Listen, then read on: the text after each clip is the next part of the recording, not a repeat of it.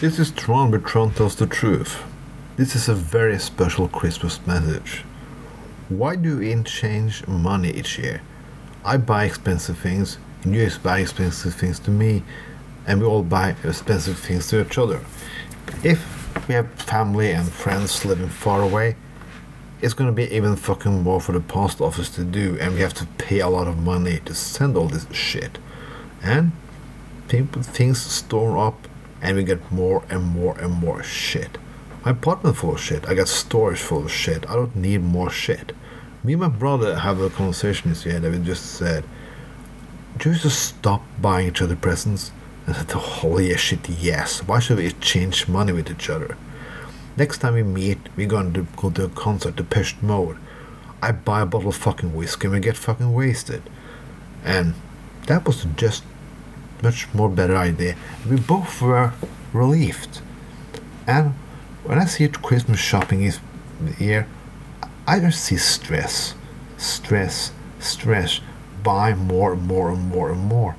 Young kids don't give a fuck. They don't really don't. All their parents who just keep those bullshit ideas going on. Like we have to buy more, we have to stress more, we have to work more because the magical economy would then suddenly collapse if we don't. Well, let not let it. If this economy breaks down, we can find something else. We can. Don't believe the oligarchs on Wall Street.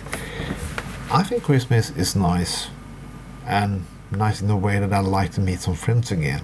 I can use Christmas to think a little. I used to sit down and listen to jazz music, drink some wine, meet some friends, meet some close family, and talk with my family because my family lives all over the country, part in the east and part in the middle of the country, and sometimes they live in Belgium.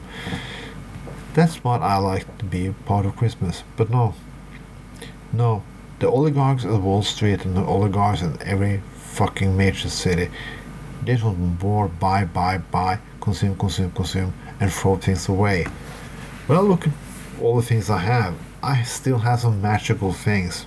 It's not worth a lot of money, but a lot of worth to me personally like the first cassette I got from my mother when I was seven, or a book that I got from a special friend in, when I was a kid. Uh, a person don't live anymore. Yeah, things like that. All the consumerism in Christmas is boring, and it's hard and it's stressful. It doesn't make me enjoy my life any better. This year I gave some money to charities like like the yeah, Salvation Army, the Cancer Organization, and so on. Sorry, I don't know any organization's name in English. And I hope they can give this the money. Some people get something to eat. Some researchers for blind people, for cancer and things like that. Christmas has started to be a fucking stress. I don't need more shit. Most people don't need more fucking shit.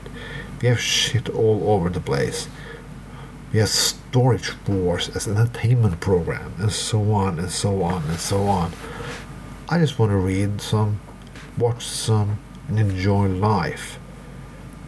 But, sometimes the capitalists or the, oligarchs try to invent the situation that if you don't consume more, buy more, and do things, stress yourself to death, you're not in the economy. You're not working for society. In, in a country where people always talk about individualism, why are they so concerned of the, telling people fucking what to do, what to believe, and what to consume, and how much to consume?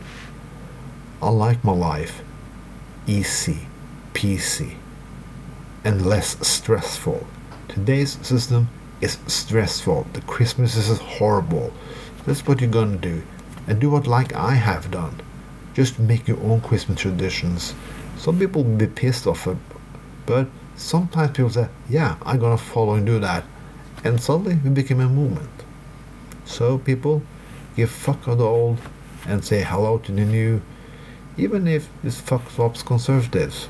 This is Tron. Have a very nice Christmas, and yeah, have a lot of sex and drink lots of booze. Bye bye.